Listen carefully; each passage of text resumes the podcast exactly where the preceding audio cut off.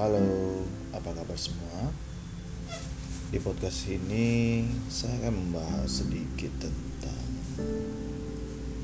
cara kita bersyukur dengan sekelilingnya dan mungkin bisa juga menjadi motivasi dalam kehidupan kita.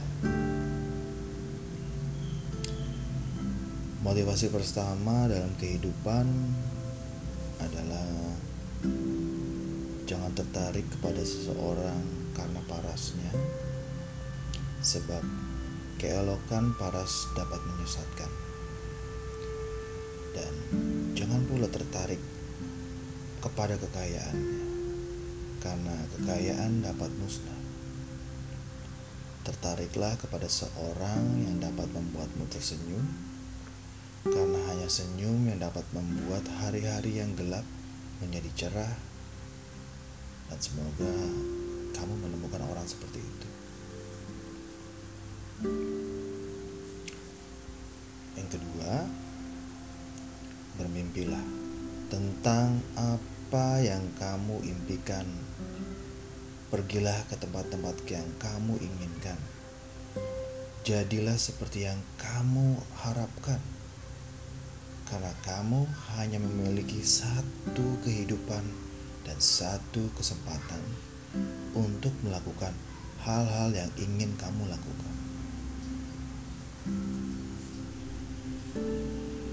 Ketiga, ketika suatu pintu kebahagiaan tertutup, pintu yang lain dibukakan.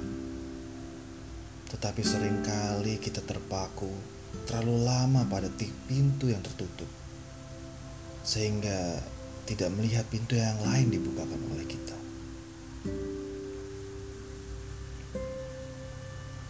Empat, sahabat terbaik adalah dia yang dapat duduk berayun-ayun di beranda bersamamu tanpa mengucapkan sepatah kata pun dan kemudian kamu meninggalkannya dengan perasaan telah bercakap-cakap lama dengannya.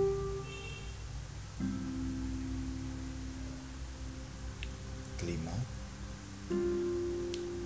sungguh benar bahwa kita tidak tahu apa yang kita miliki sampai kita kehilangannya. Tetapi sungguh benar pula bahwa kita tidak tahu apa yang belum pernah kita miliki sampai kita mendapatkannya.